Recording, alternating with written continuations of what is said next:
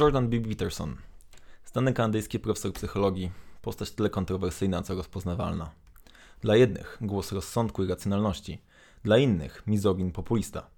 Zapraszam do odcinka, w którym będziemy rozmawiać o pomyśle na rolę mężczyzny w XXI wieku według 12 zasad życiowych będących zdaniem Petersona antidotum na chaos. Zapraszam. Gdzie się podzieli prawdziwi mężczyźni? Są wszędzie. Witamy w podcaście o męskościach, gdzie wspólnie będziemy poznawać ich oblicza, bo nie ma jednego przepisu na bycie mężczyzną. Będziemy rozmawiać także o trendach, problemach i zjawiskach dotyczących męskości. Odcinki prowadzą dla Was Wojtek i Jurek. Czasem wspólnie, czasem oddzielnie, a czasem w formie wywiadów z gośćmi. Niezależnie od tego, kim jesteś, zapraszamy. Nie ukrywam, że dzisiejszy temat wywołuje we mnie wiele emocji. Czytając książkę Petersona, czy słuchając jego wystąpień, często nosiłem brwi w zaskoczeniu, bezradnie unosiłem ręce, bądź bazgrałem zawzięcie po marginesach. Co mnie tak poruszyło, zapytacie? Zanim przejdę do samego miecha, zaznaczę, że nie jest to bynajmniej recenzja książki profesora Petersona, raczej przegląd jego myśli dotyczących zjawiska, które tutaj w podcaście najbardziej nas zajmuje, czyli męskości. O panu Petersonie pozwolę sobie nadmienić tyle, iż stał się on rozpoznawalny dzięki bezkompromisowym wystąpieniom, które nagrywał i wrzucał na YouTube, a szerszą popularność zdobył dzięki wystąpieniom przeciwko poprawności politycznej. Do maja 2021 roku jego kanał zgromadził ponad, ponad 3 miliony 740 tysięcy subskrybentów, a treści na nim zamieszczone wyświetlone zostały ponad 234 miliony razy. Zaś w szczytowym okresie jego nieistniejącego już kanału na portalu Patreon i jego przychód wynosił 80 tysięcy dolarów miesięcznie. Czym Peterson przyciąga rzesze fanów? Dlaczego przy jego nazwisku pojawiają się określenia takie jak Champion Inceli, którym mieliśmy okazję przyjrzeć się bliżej przy okazji naszego drugiego odcinka? Otóż w mojej, w mojej wolnej interpretacji są to bezkompromisowość wyrażonych poglądów, przystępny język oraz jasny podział na to, co jest dobre i racjonalne oraz złe i będące elementem chaosu. Jak dowiadujemy się od autora, książka 12 zasad powstała pierwotnie jako eksperyment. Profesor Peterson napisał je w przerwach między prowadzonymi przez siebie sesjami terapeutycznymi i był to zbiór zasad postępowań w życiu. Kiedy przekonał się, że jego post zyskuje popularność, dopracował i rozwinął swoje przemyślenia. Już na wstępie dowiadujemy się, że najważniejsze z nich to odpowiedzialność za własne życie oraz co nieco biblijne, zanim zaczniesz krytykować świat, zrób porządek we swoim domu. Ale cóż to za porządek i jakie zasady i ramy postępowania możemy stworzyć, które będą uniwersalne w trzeciej dekadzie XXI wieku? W skrócie, Peterson wychodzi z modernistycznego założenia o pełni poznawalnej, obiektywnej prawdzie, gdzie moralność odgrywa centralną rolę. Odrzuca tymczasem zdobycze postmodernizmu mówiące o narracjach, opowieściach, jakimi żyjemy, które często mają niewiele wspólnego z jedyną poznawalną i opisywalną rzeczywistością. Zapytacie, jaki to ma wpływ na rolę mężczyzn i męskości? Ano według Petersona daleko sięgające. Już na początku dostajemy pożywkę dla naszych dywagacji. Słuchajcie. Wszystkie cytaty pochodzą z książki 12 życiowych zasad Antidotum na chaos, przekład Krzysztof Zuber, wydawnictwa Freedom Publishing. Stan porządku jest zwykle przedstawiany symbolicznie jako męski. To mądry król oraz tyran, na zawsze złączeni w jedność, tak jak społeczeństwo jest połączeniem organizacji i opresji. I drugi cytat. Porządek i chaos to yin i yang ze słynnego symbolu taoistycznego. Dwóch węży leżących jeden przy drugim, głowa przy ogonie. Porządek to biała, męska część. Chaos to część czarna, żeńska. Czarna kropka na białej części oraz biała na części czarnej wskazują możliwość przeobrażenia. Gdy wszystko wydaje się w najlepszym porządku, nieznany może czaić się tuż za rogiem i dopaść nas kompletnie zaskoczonych. I odwrotnie, gdy już wydaje nam się, że wszystko szlak trafił, z katastrofy i chaosu może wyłonić się nowy porządek. Nie wiem jak wam, ale mi oprócz tego delikatnie mistycznego kawałka wydaje się to dość szkodliwą stereotypizacją. Te cytaty to jeden z pierwszych momentów, kiedy przecierałem oczy ze zdumienia i ze zwiększoną, muszę przyznać, ciekawością, zagłębiałem się w lekturę, żeby zrozumieć, co autor miał na myśli, cały czas mając z tyłu głowy jednakże fenomen popularności tego autora. Fenomen przyciągający przede wszystkim odbiorców płci męskiej. Przechodząc do sedna. Pierwszy rozdział nazywa się Pilnuj sylwetki, plecy proste, ramiona wyciągnięte. Albo inaczej, opowieść o homarach. To jest swojego rodzaju parafraza starożytnej opowieści o wyższości mężczyzn nad kobietami. Otóż historia wygląda następująco. Homary walczą między sobą. Jeden przegrywa, jeden wygrywa. Gra o sumie zerowej. Wygrany ma wyższe poziomy serotoniny, wyższy status społeczny, a co za tym idzie dostęp do samic. Choć wyprostowany, jak na Homara znaczy się, i jest gotowy do kolejnego pojedynku.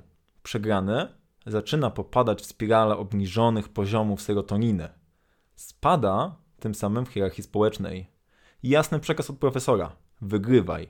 Tylko i aż tyle. Świat jest prosty. Mamy też porównanie do kapitalizmu. Lepsze firmy przynoszą przecież większe dochody. Akcjonariusze, czyli tu kobiety, biernie spijają całą śmietankę. Kolejny cytat. Masz nieograniczone możliwości wchodzenia w relacje miłosne i seksualne. Jesteś dominującym homarem i najbardziej pożądane kobiety ustawiają się w kolejce, aby współzawodniczyć o Twoją uwagę. No i wszystko jasne. Jak jesteś zwycięzcą, to znów świat jest zupełnie prosty. W pewnym momencie tego rozdziału mamy różnicowanie, że w stadzie warto też zadbać o słabszych i przykłady tego ze świata zwierząt, e, że dobry lider to też taki, który dba o mniej uprzywilejowanych członków stada, ale chwilę potem dowiadujemy się, że osobniki, które uważają pokłady agresji za moralnie niewłaściwe, miały przesadnie nerwicowych i despotycznych ojców. Tak, przeskakujemy z powrotem do tematu mężczyzn. A więc śmiało przezwyciężaj swoje słabości i nie ściężaj swojego istnienia na barkach. I tu zaczynają się schody. Tak, złość jako emocja jest ważna. Tak, agresja jest częścią rzeczywistości, a sens życia bierze się z zaangażowania, bo tak rozumiem petersonowskie akceptowanie ciężaru istnienia. Chyba zaczynam powoli rozumieć porównywanie prozy Petersona do projekcyjnego testu Rorschacha. Każdy znajdzie tu coś dla siebie i może w tym drzemie jego popularność. Jedźmy zatem dalej i spróbujmy zagłębić się w rozumienie porządku i chaosu, yin i yang. Na początek cytaty. Porządek, czyli to, co znamy, wydaje się mieć symboliczny związek z męskością. Przyczyną tego może być fakt, że pierwotna hierarchiczna struktura społeczeństw ludzkich jest męska. Podobnie jak wśród większości gatunków, w tym szympansów, najbliższych nam genetycznie i prawdopodobnie również behawioralnie, to mężczyźni są i w ciągu wieków byli budowniczymi osad i miast, inżynierami, kamieniarzami, murarzami, stolarzami i operatorami ciężkiej maszynerii. Porządek to Bóg Ojciec, wiekuisty sędzia, przydzielający nagrody i kary. Kawałek dalej na tej samej stronie. Chaos, odwiecznie żeński, to także okrutna siła doboru płciowego. Kobiety to wybredne partnerki, w przeciwieństwie do samic szympansa i ich najbliższych zwierzęcych odpowiedników. Większość mężczyzn nie spełnia damskich standardów. To dlatego kobiety na portalach randkowych atrakcyjność fizyczną 80% mężczyzn oceniają na poniżej średniej. I ostatni na razie cytat. Kobiety to natura przemawia ustami kobiety i mówi: Posłuchaj, młodzieńcze, nadajesz się na kolegę, ale moje dotychczasowe doświadczenia z tobą nie wskazują, aby twój materiał genetyczny mógł dać mojemu potomstwu duże szanse na przetrwanie i dalszą reprodukcję. Według Petersona kobiety i mężczyźni nie są równi, gdyż ewolucyjnie zostali stworzeni do innych celów. Na poparcie tych słów mamy nawiązania do Biblii. Muszę też napomnieć, że Peterson w momentach wątpliwości lub gdy nie znajduje badań potwierdzających swoje sądy, zwykle odwołuje się do tekstu Biblii, psychologii analitycznej Junga i szerzej do tradycji psychoanalitycznej. Znaczy, że nie mam z tym żadnego problemu, jednocześnie podkreślając, że te treści są równie projekcyjne jak treści Petersona. To znaczy, że piękno lub tu treść leży wokół patrzącego i każdy może je zinterpretować po swojemu. To, że coś zostało napisane, nawet przez osoby tak znane i poważane jak Freud czy Jung, nie od razu znaczy, że jest objawioną prawdą. Nie wchodząc zbytnio w szczegóły metodologiczne, część treści tej dziedziny wiedzy nie jest klasyfikowana jako naukowa, gdyż te zestawiane przez dawnych mistrzów nie podlegają falsyfikacji, czyli w skrócie nie da się im zaprzeczyć lub ich potwierdzić. A na zachodzie umówiliśmy się, że naukę robimy jednak inaczej. Przejdźmy do poglądów profesora Petersona na wychowanie, bo przecież Taka będzie Rzeczpospolita, jak jej młodzieży chowanie. Autor postuluje, że skonstruowanie na dziecku, czyli model rodziny, gdzie uwaga jest skonstruowana na aprobacie, skutkuje wychowaniem narcystycznych, tu cytat, bogów imperatorów i doprowadzi szczególnie chłopców do nieporadności życiowej lub nadmiernego samouwielbienia. Peterson postuluje za konserwatyzmem. Pisze, że niektóre prądy ideologiczne, jak różnorodność, diversity, przyniosą w długim terminie więcej strat niż zysków. Idealny model już przecież mamy. Jasne granice, hierarchia, patriarchat. Potem autor rozprawia się z obawą, z jaką według niego spotyka się wielu rodziców. Jeśli będziemy stawiać dzieciom granice, karać, to przestaną nas lubić. Krytykuje brak zasad swoją oceną. Cytat. Z uwagi na to połączenie odpowiedzialności i stopnia trudności, sugestia, że wszelkie ograniczenia i zakazy nakładane na dzieci są szkodliwe, może być przewrotnie przyjmowana z ulgą.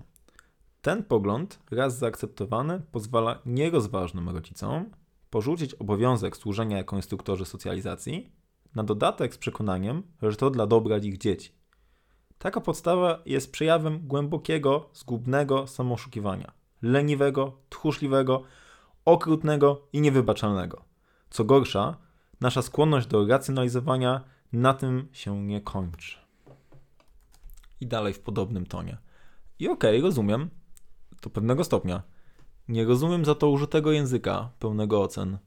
A co z wolnością wyboru i stawaniem się człowiekiem?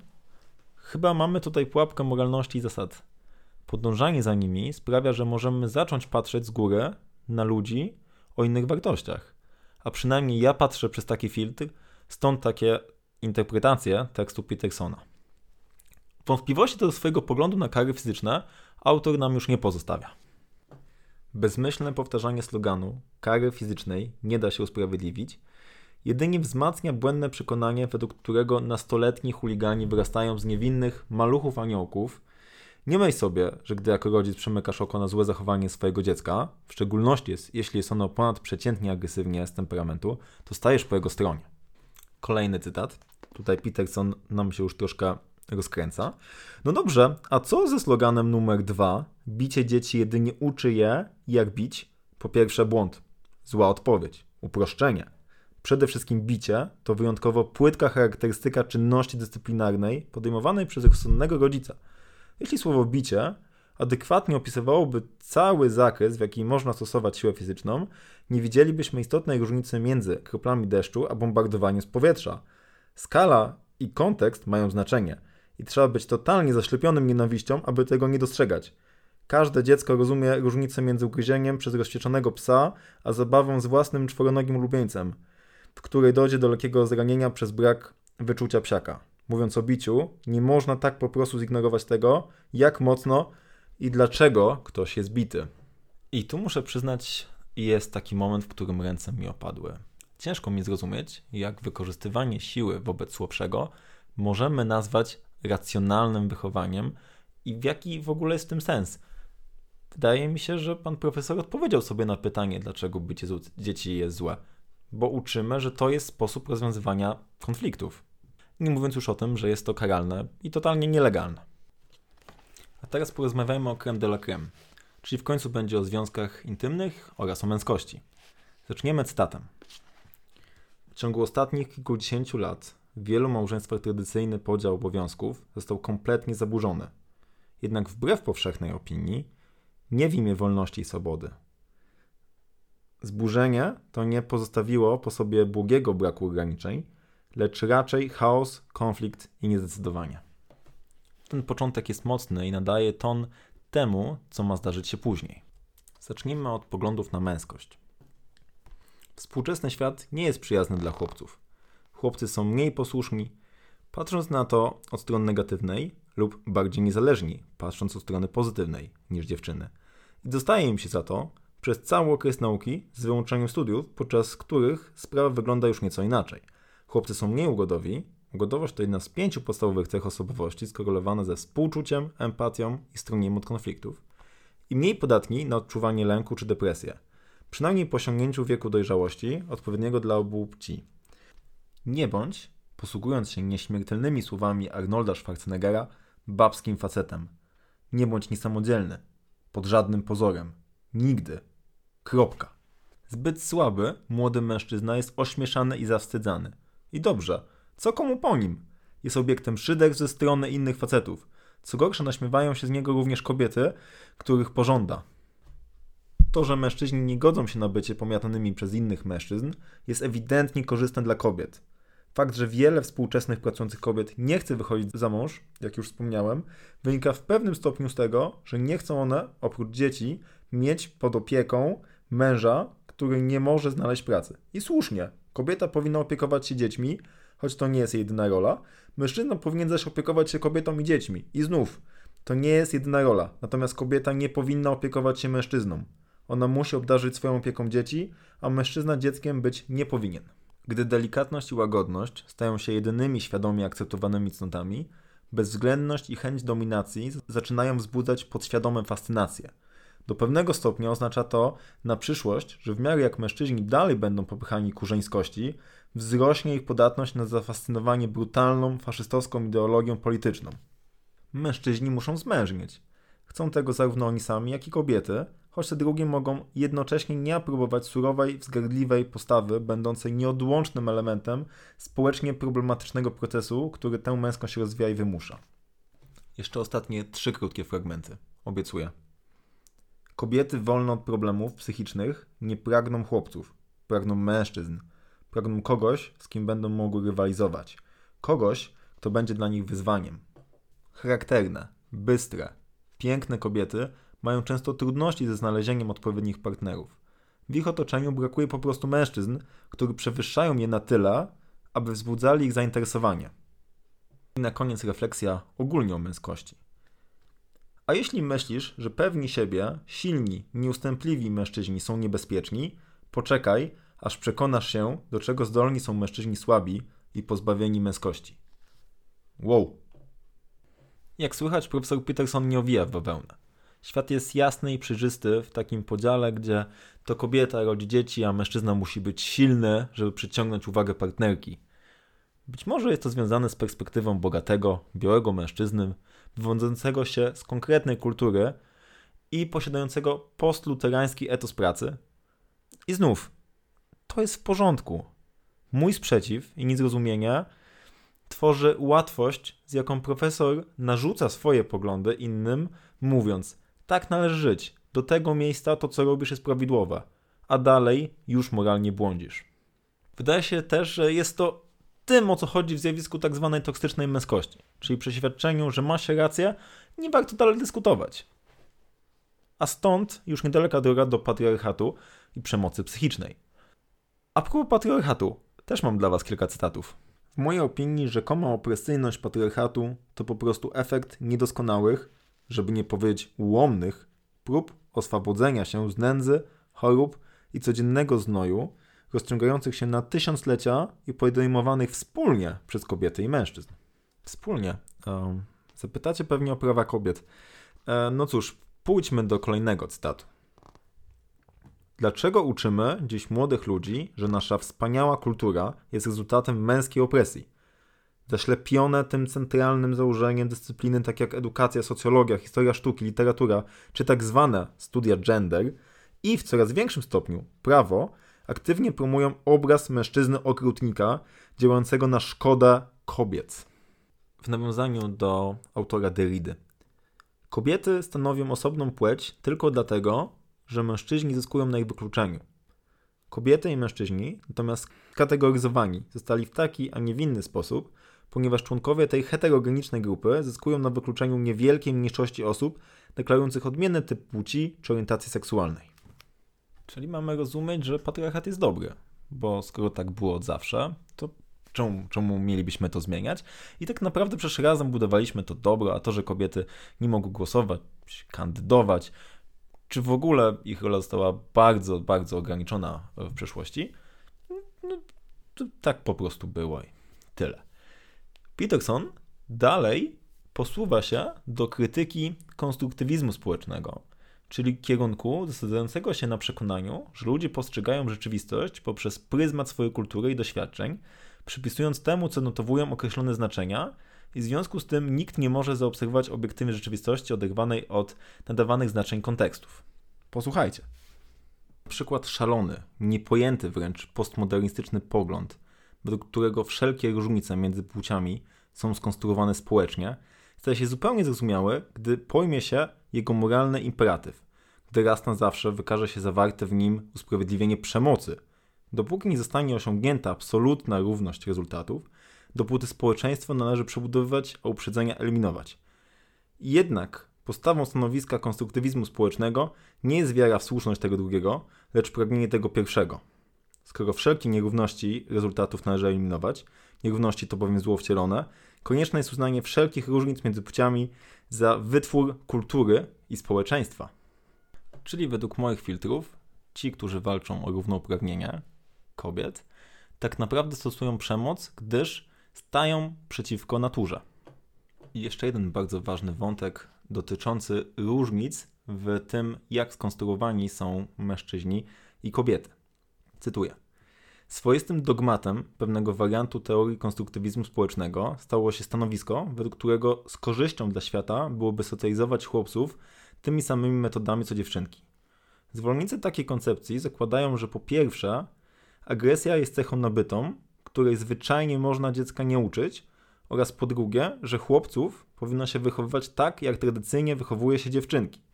Powinno się ich zachęcać do rozwijania pozytywnych postaw społecznych, takich jak czułość, wrażliwość na emocje, troskliwość, skłonność do współpracy oraz poczucie piękna.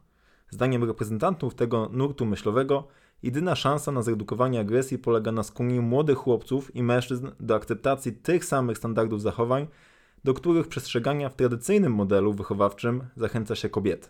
Jeśli to nie jest zachęta do wychowywania mężczyzn w tak zwanej toksycznej męskości, to nie wiem, co to jest. Jeśli czułość, współczucie, empatia to jest coś złego, to na wielu poziomach nie rozumiem tego, co profesor Peterson ma na myśli. Być może te jego dywagacje dobrze odnoszą się do stanu nie wiem, wcześniej ewolucyjnego, kiedy rzeczywiście walka o przetrwanie, fizyczna walka o przetrwanie, była czymś niezbędnym. Jednakże, tak jak mówi przysłowie, tylko krowa nie zmienia zdania, i wydaje się, że w naszych czasach jednakże inne cechy są ważne i inne cechy stanowią o tym, że możemy przetrwać i rozwijać się jako społeczeństwo czy jako jednostka. I tak sobie myślę, że inteligencja emocjonalna, czyli rozumienie perspektywy innej osoby, jest podstawową cechą, która umożliwia nam świadome, dobre, zorganizowane funkcjonowanie w dzisiejszym społeczeństwie. Oczywiście mogę się mylić, dlatego że to jest jedynie punkt widzenia. Zaznaczę również, że istnieją biologiczne różnice między mężczyznami i kobietami. One wynikają na przykład z tego, że męskie ciało jest przygotowane do większego wysiłku fizycznego i lepiej zarządza gospodarką średnio i generalnie. E, gospodarką e, fizyczną, to znaczy na przykład jeśli chodzi o potliwość.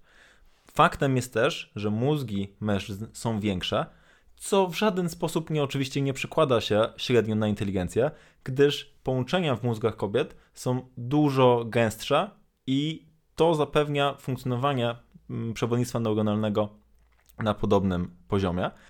A nawet, tutaj należałoby podkreślić, e, z badań wynika, iż to jest tak, że średnio kobiety charakteryzują się wyższą inteligencją psychometryczną, czyli taką mierzoną testami IQ, zaś wśród mężczyzn zdarza się, że ta inteligencja częściej jest powyżej trzeciego odchylenia standardowego, czyli powyżej 145 IQ.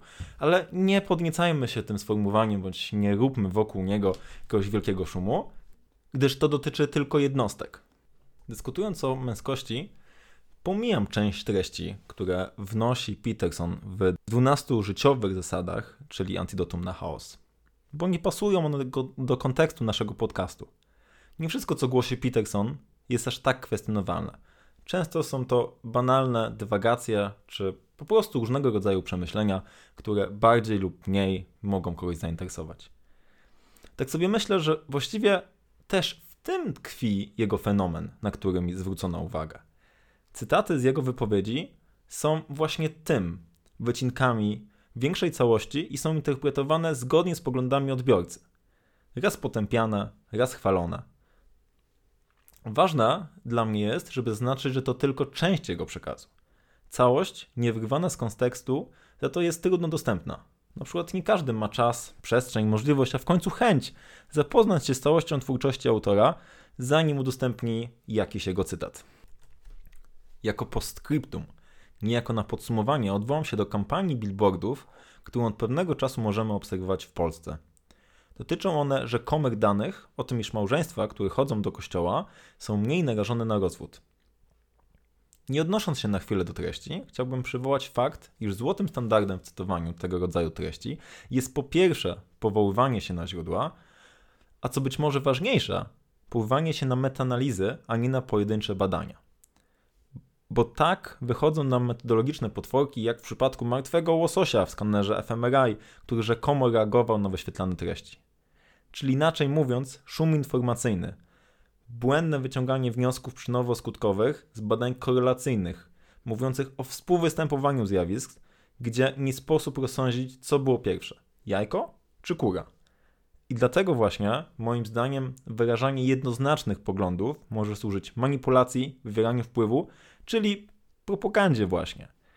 Na koniec wypada mi się zgodzić z Petersonem. Wszyscy pragniemy prostszego świata, Problem w tym, że świat wcale prostszy i bardziej zrozumiały nie staje się odchodzeniem na skróty. Wręcz przeciwnie. Wtedy nasz punkt widzenia staje się jeszcze bardziej zamglony. Trochę się rozgadałem.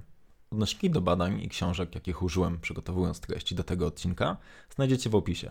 Znajduje się tam również link do bezpłatnego fragmentu książki profesora Petersona, udostępniony przez wydawnictwo Freedom Publishing. Dziękuję za uwagę i do usłyszenia za 3 tygodnie.